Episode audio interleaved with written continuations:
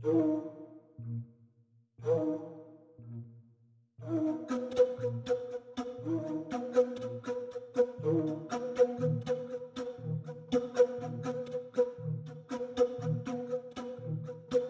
head külmaveristajad ja kikimooride sõbrad.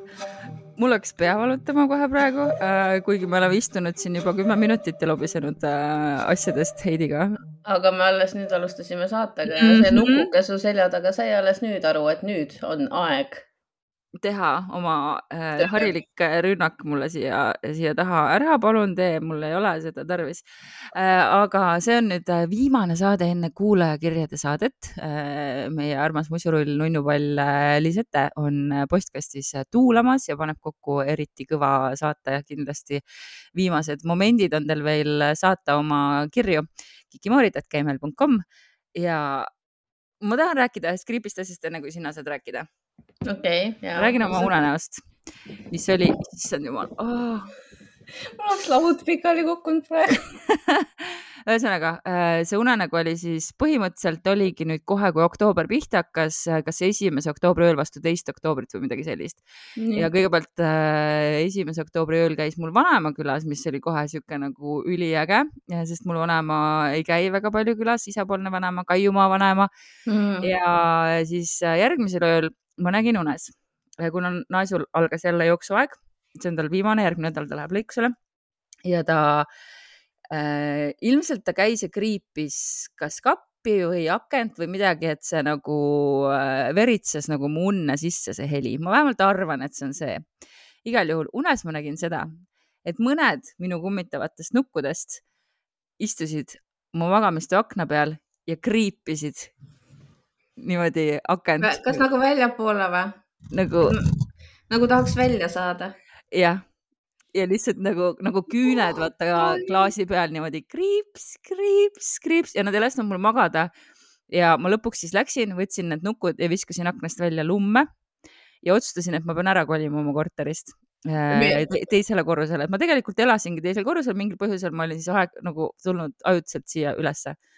siis ma läksin teisele korrusele, kus mul oli üürileping ja keegi oli ehitanud sinna professionaalse köögimagamistuppa ja siis ma mõtlesin, hakkasin vaidlema, ühesõnaga, et see kõik oli nagu ebameeldiva vibe'iga, aga kõige kriipim oli see nukud need kriipimas nagu mingi kriips, kriips, ühesõnaga I did not appreciate that unenägu, Mm.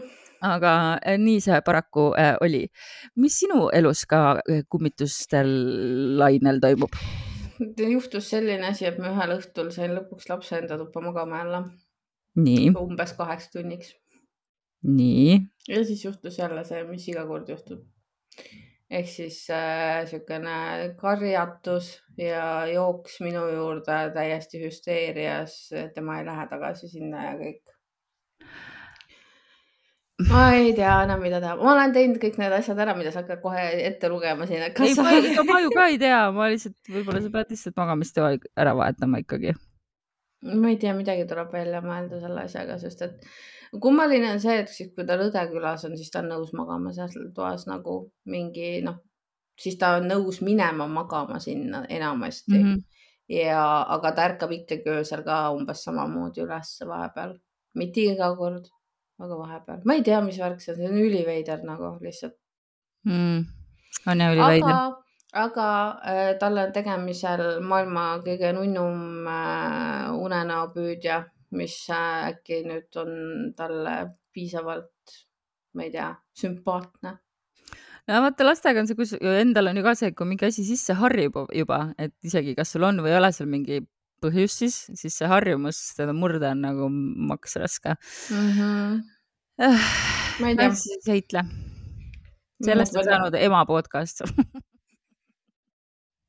jep, tere tulemast. tere tulemast ema podcasti, aga emad Dagmar ja Heidi siis äh, hakkavad oma lugudega pihta, meil on äh, enne saame öelda, et meil on tulemas äh, ägedaid uudiseid, aga te peate ootama ära selleks kuu loomise ja esimese varjutuse, neliteist oktoober. ma arvan, et me anname sellest teada ma arvan, et me hakkame siin juba tead sa niimoodi nädala pärast vaikest tiisi tegema kuskile siia-sinna, nii et teeme silmad lahti, hoiame silmad lahti. Just hoiame silmad lahti ja äh, vaadake, mis meil siis äh, erinevates äh, kohtades pakkuda on. ma otsin praegu oma lugu, mis ma siis, kus ma siis ta panin. selle loo, aga ma võin siis oma looga pihta hakata, jah? selle loo vihjas mulle üks huvitaval kombel üks tüüp, kellega ma käisin kunagi date'il, ju ma siis Tinderist ta leidsin Äh, aga ta teab mu huvi ajaloo ja äh, erinevate krimiteemade vastu mm. -hmm. issand, no ma ei, miks ma ei saa nüüd seda siis niimoodi siia pandud, et ma nagu, issand kui haige. ahah, nii, sain. ma tahan ju sind samal ajal näha, kui mul see lugu ees on mm. -hmm. teist suurt ekraani on vaja Äh, ühesõnaga, äh, tema siis äh, viitas mulle seda lugu, sest et tegemist on tema mingi kauge sugulasega ja see on üsna hiljutine lugu, nii et minu kohta väga harukordne, et me sinna üldse sellest räägime. me läheme Ameerikasse, kus siis aprillis kaks tuhat neliteist jalutas Saksamaalt pärit Türgi juurtega siis Diren Dede Montanas, sihukeses linnas nagu Missoula Äh, öösel siis tänavatel koos oma sõbraga. ja seitsmeteistaastane Diren oli siis tulnud äh, USA-sse Saksamaalt vahetusõpilaseks ja üldse teda teati siis äh, siukse toreda sõbrana ja hea jalgpallurina ja ma eeldan, et siin mõeldakse päris jalgpalli, mitte seda Ameerika versiooni ootamatult nägid nad siis, et üks garaaži uks oli nagu paokil ja mingil põhjusel siis Tiren ütles, et kuna äh, Äh, tema seal peres, kus ta vahetusõpilasena on olnud, et siis garaažis ikka hoitakse vahel mingit väikest, äh, kas napsu, seal on erinevad artiklites on erinevad nagu erinevalt viidatud, et kes viitas nagu limonaadi, kes viitas nagu jooki, kes viitas napsu mm. -hmm. igal juhul tema mõtles, et ta läheb vaatab, mis seal garaažis on. ja sai ta siis sealt ukse vahelt sisse minna, kui kõlasid lasud ja Tiren siis paraku seda rünnakut üle ei elanud, tema sõber pani laskude peale plehku. ja kõige traagilisem, noh, ma ei tea, kas kõige traagilisem, kogu see lugu on üsna traagiline. Tirenil oli jäänud siis vahetusõpilase programmi veel vahid kuus nädalat, kui ta oleks tagasi koju Saksamaale läinud, nii et äh, Äh, sihuke siis äh, lugu ja Tireni vanemad Selal ja Gülsin elavad siis Saksamaal juba seitsmekümne seitsmendast aastast ja siis Tiren ja tema kaks õde olid sündinud Saksamaal, nii et siis sihuke saksa-türgi perekond ähm, pärast Tireni surma lendas tema perekond või õigemini siis tegelikult ta isa sõbraga siis äh, lendasid USA-sse, et noormehe surnukeha koju toimetada. aga kes siis see tulistaja oli? Tegemist oli äh, kahekümne üheksa aastase tuletõrjujaga. Äh, me ei saa sel korral teha tuletõrjujatele shout out'i, äh, aga tema nimeks oli siis Markus Kaarma ja Eesti nimi väliseestlaste järeltulija, tema vanaisa Otto Eduard Kaarma sündis Haaberstis ja siis neljakümne neljandal aastal ta põgenes Saksamaale ja viiekümne, ei, jah, neljakümne üheksandal aastal jõudis ta siis Nebraskasse Eestis ta oli õppinud Tartu Ülikoolis äh, arstiteaduskonnas, oli väga tunnustatud äh, kõrva-nina-kurguarst, aga USA-sse ta läks siis tööle Nebraska vaimuhaiglasse. Ja suri siis seitsmekümne viiendal aastal ja Markus oli siis tema lapselaps. Või noh, on. Lapselaps Markus rääkis siis uurijatele, et ja see kogu see lugu oli siis Saksa meedia jaoks täitsa nagu uskumatult imelik et vahetult enne Tireni surma oli siis kolme nädala jooksul suisa kahel korral tema kodusse sisse murtud. ta läks politseisse, abi ta sealt ei saanud ja ta otsustas äh, koos oma partneriga Janelliga, et äh, ta seab väikse lõksu varastele hmm et ta jätab garaaži ukse irvakile. Äh, nad panid siis ka peibutuseks selle Janelli käekoti sinna. Paigaldas siis ka videokaamerad ja sensorid, et liikumissensorid nagu andurid ja need andurid hakkasidki siis äh, pärast südaööd, viieteistkümnendal aprillil häiret andma ja Markus nägi ekraanilt siis võõrast meest enda majja sisenemas. Äh, siin lähevad ka siis ütlused lahku. Äh, Markus ja Chanel räägivad, et Markus läks välja, hüüdis hei, hei ja garaažist hüüti midagi vastu ka, aga Kaarma siiski nagu tulistas otse pimedusse Mm, teise versiooni järgi siis äh, Markus ei jõudnud mitte midagi, vaid lihtsalt kohe läks ja tulistas. Eh, Markus ja Chanel üritasid haavatut elustada, aga see ei õnnestunud ja pärast siis äh, kogu seda Tirani, seitsmeteistaastase Tirani surma vabas, võeti ta siis vahi alla ja vabastati kolmekümne tuhande dollari suuruse kautsjoni vastu. Äh, Montanas kehtib siis seadus mm, elagu Ameerika, et koduomanikel on kasutada, õigus kasutada oma kodu kaitsmisel surmavat jõudu, kui mm nad äh, nagu reasonable reasonably believe ehk siis ma ei teagi nagu ratsionaalselt või nagu mõistlikult usuvad, et äh, sissetungija plaanib neile kuidagi nagu kurja teha. ja Kaarma siis sellele kohtus äh, äh, rõhuski, et tema kaitsjad siis äh, rääkisid, et äh, mees tegutses enesekaitseks, äh, aga Missoula maakonna prokurör süüdistas Markust siiski aga tahtlikus tapmises, mille miinimumkaristus oleks olnud siis vähemalt kümme aastat. Äh, Markus jäi enda juurde, et seaduse järgi on tal õigus oma kodu kaitsta ja kuigi tal oli nagu väga kahju, et see kõik niimoodi läks, et siis äh, Tiren siiski nagu tuli tema majja vabatahtlikult, noh, mis on nagu basically nagu tõsi, aga noh, see on nagu nii, noh, see on, see on nii fucking over the top reaktsioon, et sa kohe lähed ja tulistad tõesti, ma ei tea. see on ajuvaba ja täiesti. pluss see, et sa tegid ise selle lõksu. see on sa noh, sa ootasidki nagu sa, sa, sa ootasidki, et keegi tuleks, et sa saaks tulistada. Ma ütlen, asi on selles ka, et eestlased nagu me, noh, ameeriklased ka ei oska relvadega hakkama saada, aga meie ei oska ammugi meil ei ole olnud sellist täiesti ajuvaba relvade värki, üheksakümnendatel vist oli. Äh, ühesõnaga äh, äh, kaks tuhat viisteist veebruaris oli siis kohtuotsus kui selleks ajaks oli siis Markus Kaarma kolmekümne aastaseks saanud ja ta mõisteti siis tahtliku tapmise eest seitsmekümneks aastaks vangi. Seitsekümmend aastat siis. et selles mõttes on jah, et sul on küll vabadused on päris laiad, kaitsta, kasutada surmavat jõudu, aga kui sa ei lähe sinna hädakaitse piiridesse, siis karistused on ka ikka päris karmid et võib-olla siin nagu see vabaduse ja karistuse asi on isegi nagu kuidagi tasakaalus Äh, Tireni isa Selal ütles siis, et ta on kohtuotsusega rahul, aga loomulikult tema poega see tagasi paraku ei too. Äh, tsiteerin, ta läheb vanglasse, aga ta elab. minu poeg on surnud. Ja nagu ma alguses ütlesin, siis Tiren oli väga paljutõotav jalgpallur ja tema koduklubi Hamburgis äh, SC Teutonia tuhat üheksasada kümme Äh, korraldas siis äh, USA-s tapetud Tireni mälestuseks hüvastijätu mängu. Äh, seda tuli vaatama tuhatkond inimest ja seal mängul viibis siis ka Tireni ema Gülsin. ja väljaku ääres olid siis plakatid tekstiga Helden sterben nie ehk kangelased on surematud, nii et selline kurb lugu alustuseks ühest jällegi, noh, ma arvan, et Markus Kaarma ise ennast väliseestlaseks ei pea, sest et ta on juba teist põlvkonda ikkagi ameeriklane teist põlvkonda, nii loetakse vist jah. aga siiski äh,. umbes selline... täpselt nii vist jah. jah, selline lugu siis alustuseks, aga ma võin öelda, et mul on üks väga äh, creepy lugu järgmiseks ja väga naljakas lugu äh, Patreonidele uh. -huh, uh -huh.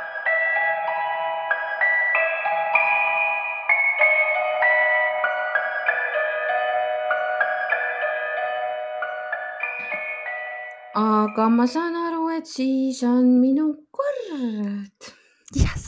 ja minu lugu äh, on äh, siis äh, kahekümne seitsmenda aasta Päevalehest. meil on no, täitsa vastupidi, täiesti tagurpidi jah. ja tema on mul ka juba jupp aega siin oma aega oodanud. Ja teemaks on siis äh, elusalt matmine sedapuhku oh ja, ja siis tuleb välja, et Päevalehele meeldis ka välisuudiseid kajastada aeg-ajalt, ükskõik kui veidrad need olid mm. -hmm. Mm -hmm. ja nemad siis kirjutasid pikalt-laialt sellest, kuidas elu ja surma piirid võivad mõnikord olla äärmiselt hägusad ja ebaselged. kes siis oskab öelda, kus üks lõpeb ja teine algab? mina küll ei oska. oskad või? teadlased on selle paika pannud küll, seal on mingid asjad, mida nad jälgivad, ajutööd ja mingeid mm -hmm. värke. no okei okay,, ma tuletan meelde, et selles mõttes, et see ikkagi, kui see artikkel ilmus kakskümmend seitse aastat, siis need asjad juhtusid enne seda ja vist ajutööd ei jälgitud mm -hmm. veel okay.. aga üks nendest äh, erakordsetest äh, juhtumitest äh,, mis peaksid siis Päevalehe sõnul igaveseks lugeja mälus värskena püsima leidis aset ka mm, kaugel, kaugel Baltimoris ja see äratas siis äh, rahva hulgas suurt segadust ja, igavest mõistmatust, sest kuidas üldse sihuke asi võib juhtuda.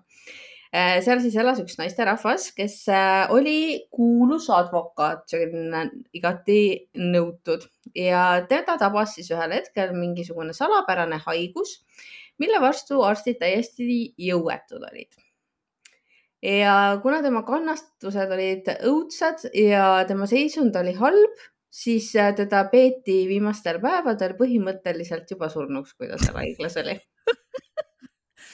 Ma olen ka ennast viimastel päevadel põhimõtteliselt nagu surnuks pidanud ennast juba, aga teised ei pea vist. mul on nagu vastupidine probleem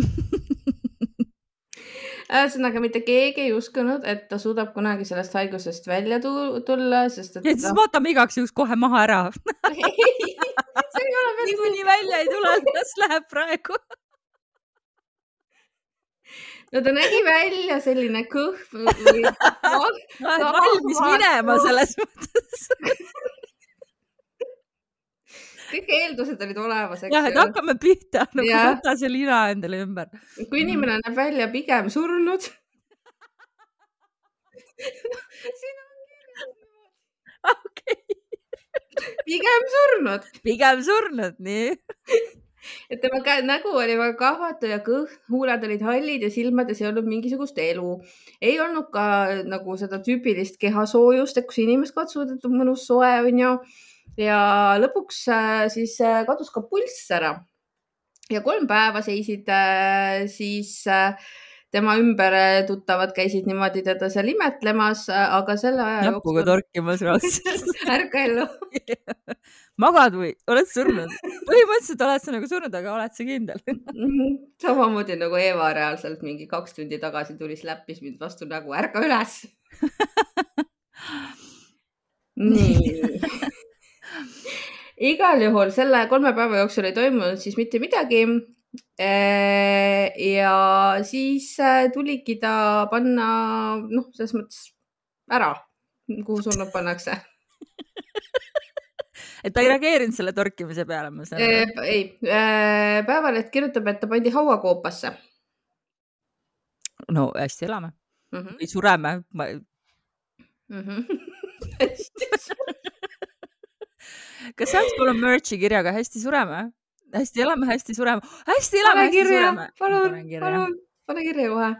nii äh.... mitte, et meil oleks koht, kus merch'i pakkuda pakkuda. küll me selleni ka kunagi jõuame. oota, oota. ma ei tea, kas on näha ma panen siia selle vink-vink mingi hääle, kui mul meelde jääb see kui jääb. Nii ja siis äh, ühesõnaga otsustati, et äh, ta siis äh, pannakse sinna hauakambrisse ära. Sinna jäi ta siis kolmeks aastaks. kolmeks aastaks? ja ja kolme aasta pärast oli vaja hauakamber avada, et paigutada sinna veel üks laibakene. ma eeldan, et see oli siis mõni sugulane, kes oli ka vahepeal otsad andnud. tõenäoliselt, jah. Need kambrid vist on nagu perekondade kaupa mm, -hmm. onju. Ja oh imet. Oh shit mm. -hmm.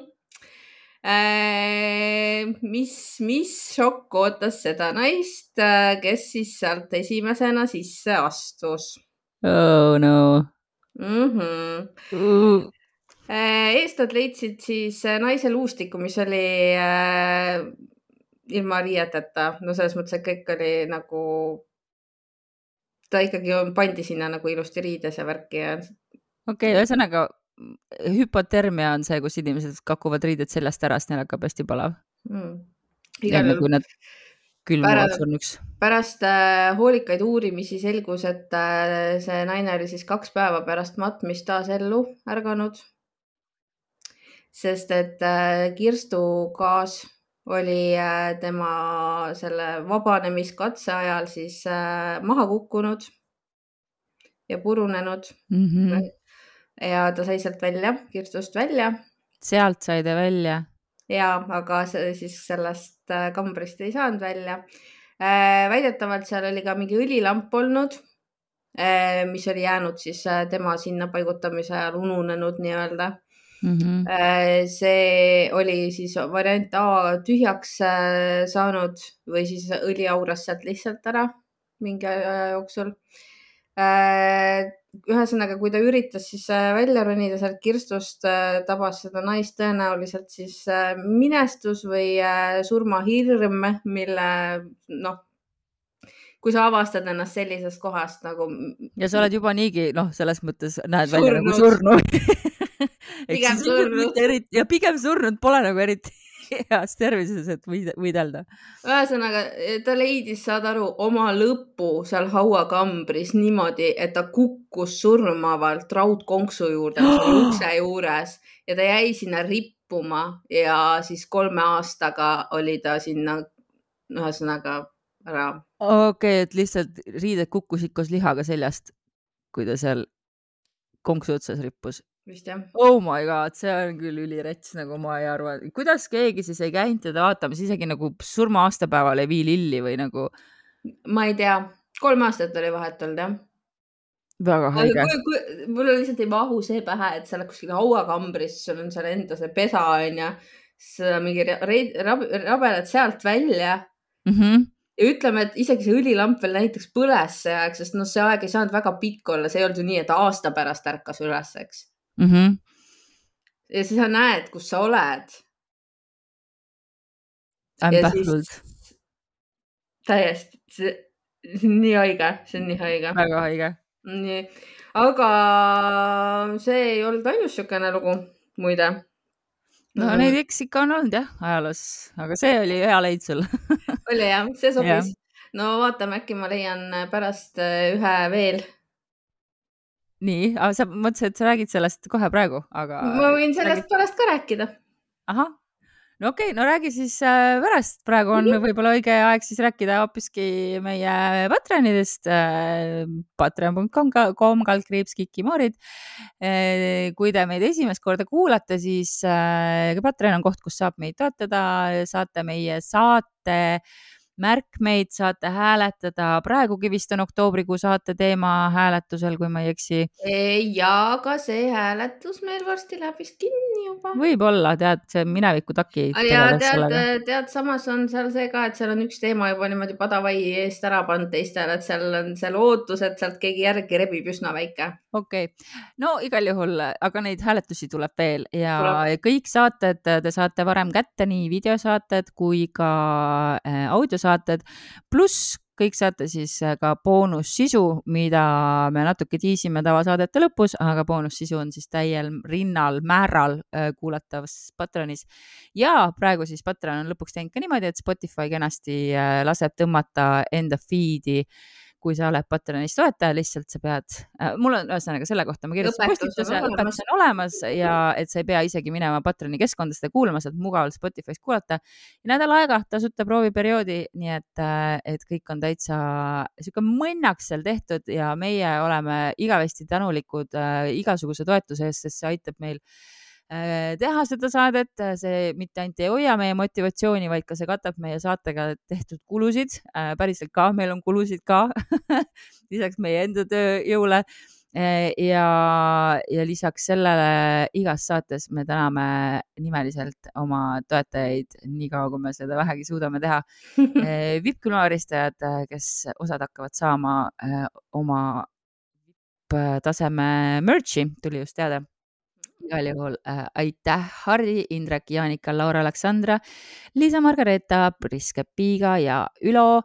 Ja aitäh ka külmaveristajate leveli toetajatele Anne, Anni, Annika, Kassandra, Dagmar, Tarmo, Diana, Edrin, Eija, Endre, Erika, Edlin, Ester, Grete, Grets, Helen, Iiris, Jaanika, Janeli, Jürgen, K, Kadi, Oliver Karita, Katariina Jee, Kati, Kelly, Kerli, Kersti, Ketrin, Kirke, Krista, Kristel, Kristiina, Külli-Lii, eh, Liina H, Liina K, Maarja, Malle, Marge, Margit, Marielle, Mer ja Merili. Ja sa võid nüüd ülejäänud öelda.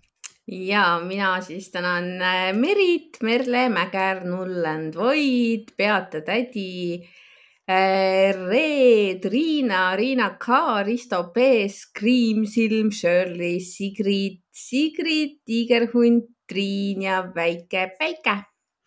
aitäh teile ja siis ka siin Youtube'is, kui te vaatate, kui te olete siin Youtube'is, siis vaatate, siis äh, vajutage palun subscribe. Äh, follow, subscribe, like. like ja pange siis ka see notification'id peale, et siis te ja. näete, kui me paneme shorts'e ja tulevad videod et kui te olete sellist tüüpi inimesed, kes viitsivad vaadata selliseid saateid, nagu me teeme, vahepeal paneme ka siia mingeid pilte, aga mitte nii sageli, kui võiks.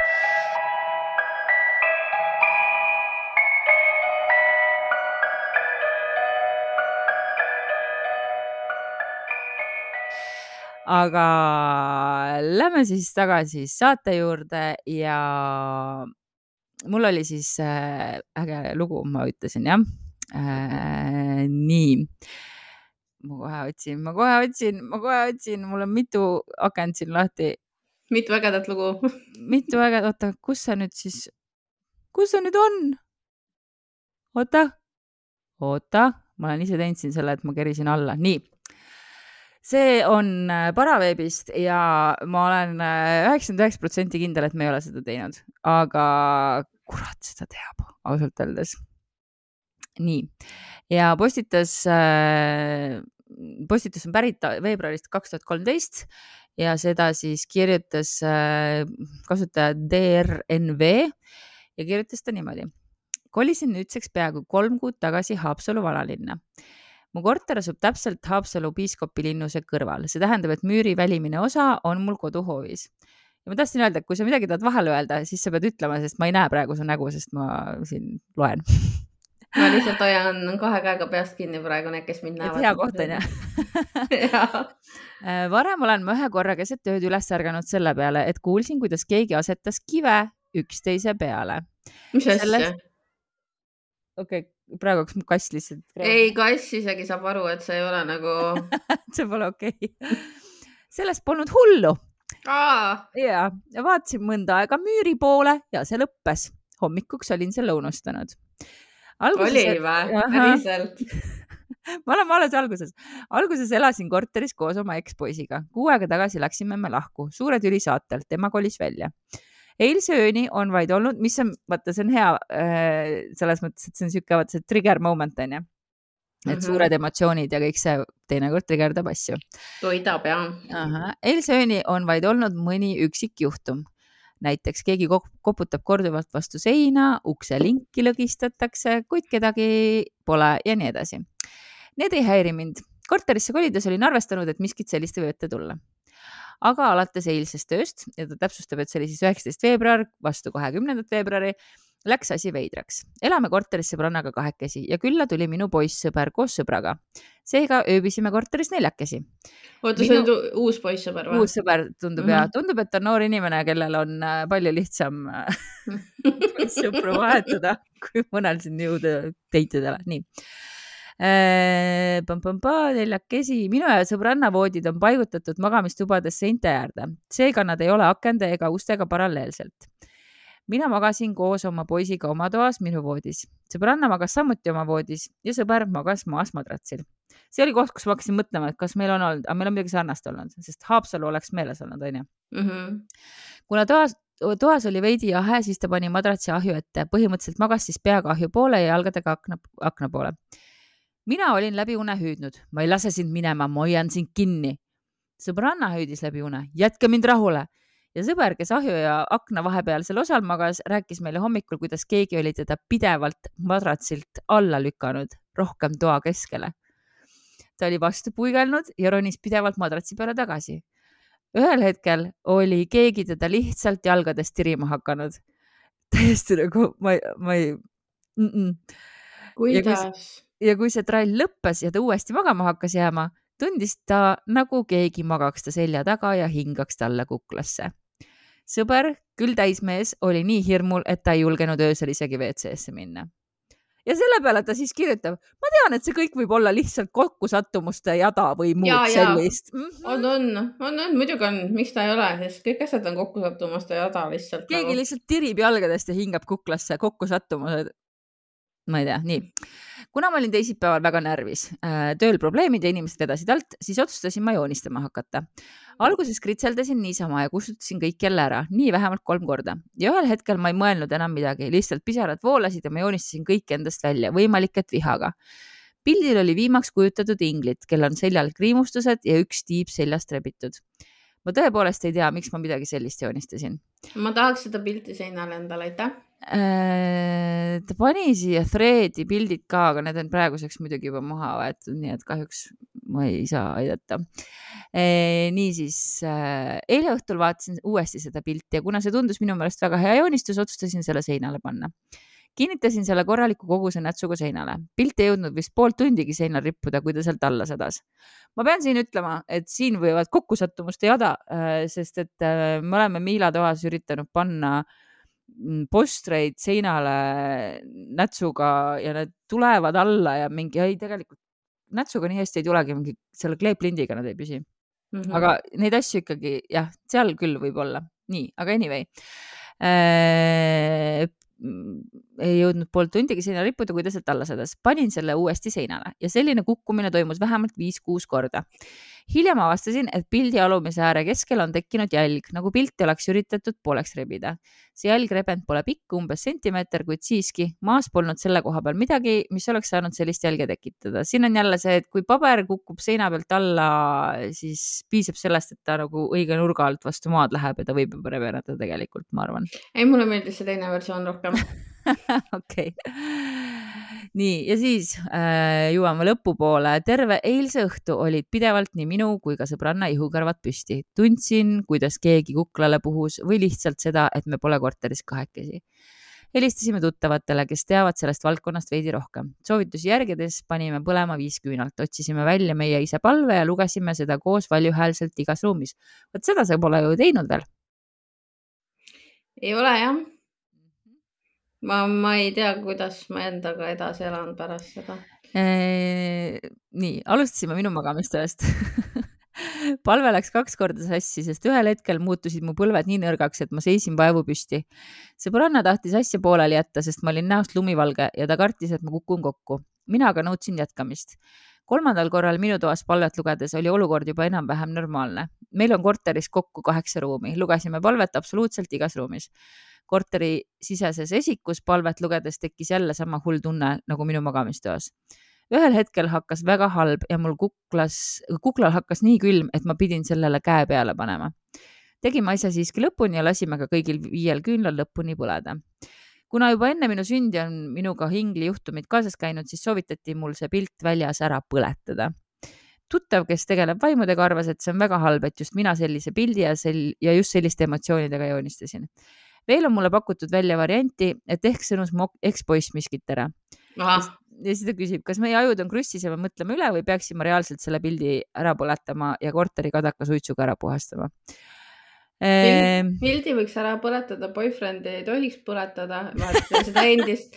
Ja kadakasuits on alati hea idee mina arvan ka, et boyfriend ei ole siin üldse tegelane mm, -hmm. vaid et äh, pigem see lihtsalt suur emotsioonide pahvakas äh, andis ruumi tulla millelgi, mis ei ole väga sõbralik e,. ja ma arvan, et see joonistus oli küll automaatne kirjutamine ehk siis keegi joonistas läbi tema, mis on veits juba sihuke teemonliku seestumise vibes. Mm -hmm nii et äh, meie isa palve kind-, ma kuulan praegu ühte väga head podcast'i The Exorcist Files äh,, kus mm. ja ma hakkasin lugema ühte e-, eksortsismiga seotud raamatut ka, nii et kui ma sealt midagi leian, siis ma kindlasti räägin teile äh,. et äh,, et jah, see, mida ma olen sealt õppinud praeguseks, kõlab väga selle järgi, et anti teemonlikele asjadele luba tulla, aga see on muidugi sihuke üks võimalik tõlgendus paljudest Äh, kui me võtame katoliikliku maailma arvesse näiteks. Äh, ja mitte ainult katoliiklikku, sellepärast et teemanilaadseid asju tunnevad erinevad kultuurid. aga mina olin praegu sellest mõjutatud. ühesõnaga, selline oli siis äh, minu teine lugu ja nagu ma ütlesin, siis äh, Patreonide boonusosas on üks naljakas lugu Tartust, nii et jääge siis kuuldele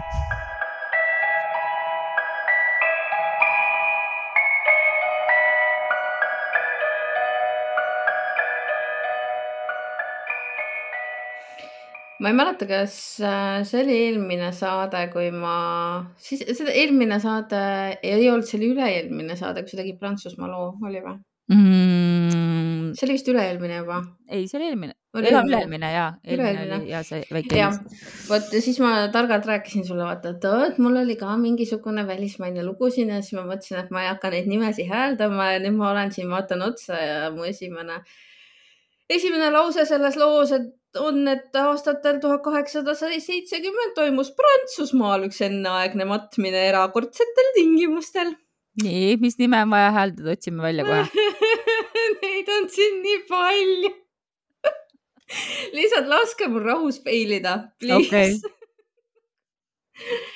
E, eh, igal juhul e, ja Päevaleht siis eh, ka endiselt selle loo allikaks või siis vahendajaks ja nemad siis rõhutavad seda, selle loo puhul seda, et tõde võib olla sageli kummalisem kui fiktsioon.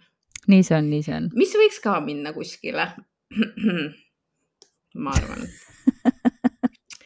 nii, selle loo, loo peategelaseks oli siis proua Victorine Laforsade, ma eeldan. ma okay. eeldan. noor ja kaunis naine rikkast aristokraatlikust perekonnast Eh, kes oli siis tuntud oma ilu ja võlude poolest ning meelitas oma austajate hulka ka vaese, vaese õpetlase, eh, kes oli natukene kirjanik. kurat, et kirjanikud kõik peavad vaesed olema. jah. aga, aga, aga ja selle kirjaniku nimi oli härra Julien Bosfue, ma arvan, Julien on või mm -hmm.? mm. -hmm kes oli siis äh, Friisi päritolu äh,. tema anded ja võlu olid äratanud rikka pärijanna tähelepanu, kes tundis temast äh, vastu kiindumust, niisugune kohe, ma ütleks rohkem, et see pigem oli natuke rohkem kui lihtsalt kiindumus aga, aga nüüd siin tuleb veits sarnane joon äh, selle sinu looga ehk siis äh, tema perekonna uhkus sundis teda lõpuks äh, kirjaniku igasugused sellised püüdlused tagasi lükkama ja abielluma selle asemel Monsieur Renelteega, mhm. kes oli siis mõisapidaja ja diplomaat. hea partii ma ei tea, ma isiklikult oleks. ma tahaks küll vaese isiklikult. jaa, aga ma tahaks vana mõisa vaese kirjanikuga. okei okay,, see sobib pigem, ka. pigem. ja, ja see on palju parem ja. on jah mm? -hmm juba sellepärast on see variant, mis ma just välja pakkusin, palju parem, et äh, kuigi alguses oli nagu kõik äh, tore ja äge, siis äh, üsna pea pärast, pärast neid pulmi jäeti naine siis täielikku hooletusse ja koheldi teda väga-väga halvasti. ja siis äh, niisiis äh, mõne piinarikka aasta pärast äh, suri meil see naisterahvas Viktoriin ära mm. -hmm. või siis sarnanes tema seisund äh, piisavalt põhimõtteliselt nägi surnu välja, piisavalt surnud. siit tuleb jälle üks lause põhimõtteliselt eh, nägi tema seisund eh, välja sarnane, sarnanes tema seisund nii palju surmaga, et igaüks, kes teda nägi, oli petetud. okei okay. oota, ma pean selle üles kirjutama. Eh, tema seisund, nii räägi sina edasi. ja teda ei maetud pere hauakambrisse, vaid koduküla kalmistule tavalisse hauda Eh, kuid, kuid siiski ei osutunud tema seisund päris surmaks ja tema süda hakkas taas lööma, kuigi kõik olid teda surnuks pidanud ja maha matnud. mida? ei, ma lihtsalt. noh, normaalne. nojah, no siis on nii noh ja lugu... ma tean, et see on kõige hullem asi, mis inimestega võib juhtuda, see trigerdab nagu, võib-olla ma sellepärast naeran. hirmu ja, ja. see kaitserefleks ja, ja, ja. Oh, ja. Äh, igal juhul äh, seesama lugu räägib sellest ka, kuidas siis üks äh, selle viktoriini äh, austaja, ma ei, siin ei ole mainitud seda, kas see võis olla seesama kirjanik, kirjaniku härra, Bosfue vot ma ikka neilin praegu sajaga neid prantsuse nimesid ja siis pärast kuulajad on mingi, mida hekki sa teed. et võiks parem minna kohe Prantsuse lütseumi direktoriks. miks sa siin saates oled üldse?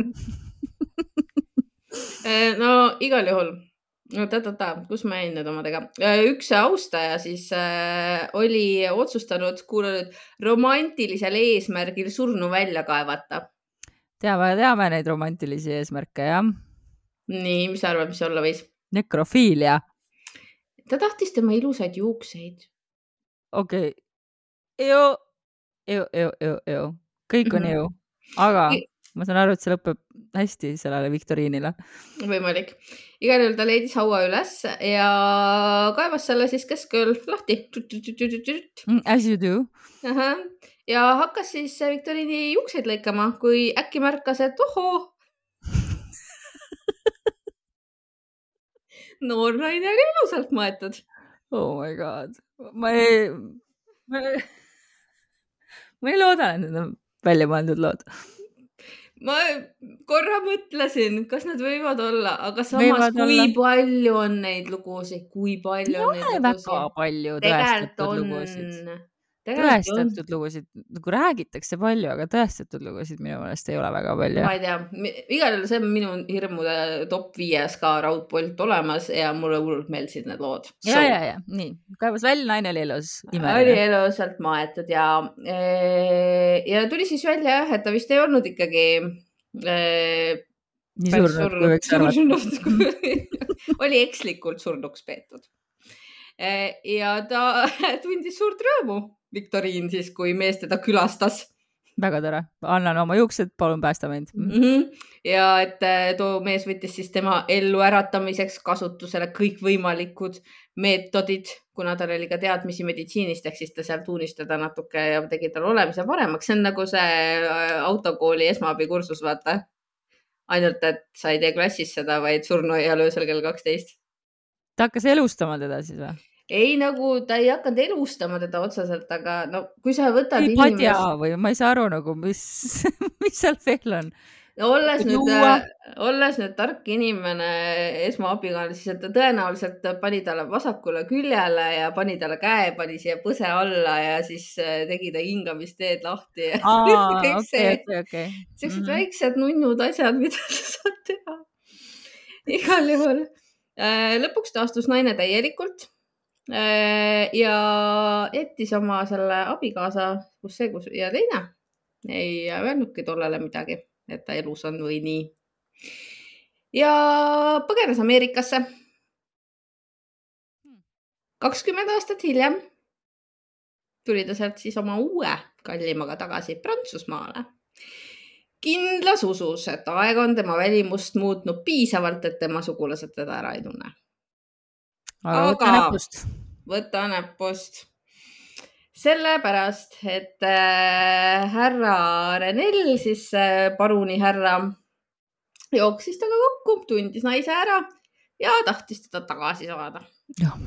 kakskümmend aastat hiljem igal juhul naine keeldus tema juurde tagasi minemast äh, ja ka siis nad läksid kohtusse selle asjaga.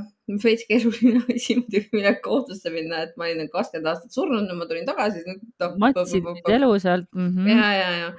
E, ja kohus siis äh, otsustas äh, naisterahva kasuks äh,, öeldes, et sellised erilised asjaolud ja aastatepikkune lahusolek tühistavad abikaasa õigused täielikult mm. -hmm vot sihuke sutsakas. ikkagi õnneliku lõpuga lugu, ma ütleks. ja see oli õnneliku lõpuga, oluliselt õnnelikuma lõpuga kui see eelmine.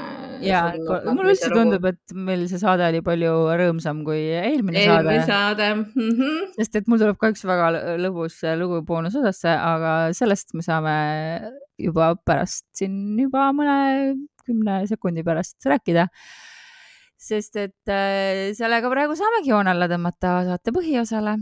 nagu ikka, aitäh, et te meid kuulasite, aitäh, Heidi, et sa mulle lugusid rääkisid ja. aitäh sulle ja teie, armsad külmaväristajad äh, ja kikimooride sõbrad, olete the best of the best, selles ei ole kahtlustki.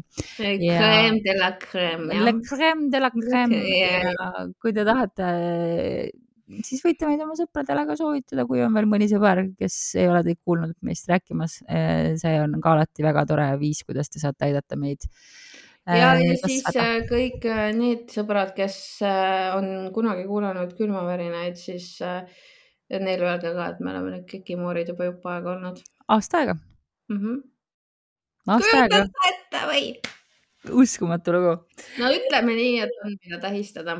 On, mida tähistada. see oli see, kus tuli võtta prillid ära ja teha seda mingit jah et mul siis meeles on panna siin mõne minuti peale heliefektid ka, et kuulajad ka teaks, millest me siin räägime. Mhm. aga siis äh, kohtume järgmisel nädalal kuulajakirjade saates ja seniks püsige kõhedad.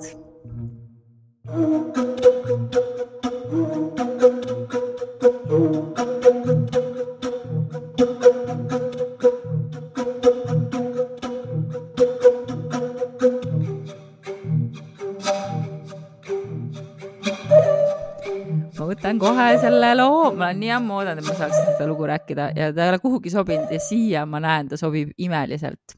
kui see on naljakas, siis ma olen all about it nagu. see on veits naljakas jah ja ma pean ütlema, ma lasin jälle silmadega üle, ma täpselt detaile mäletan, ma mäletan, et oli täpselt see, mille ma jätsin selleks, et boonusosas lugeda.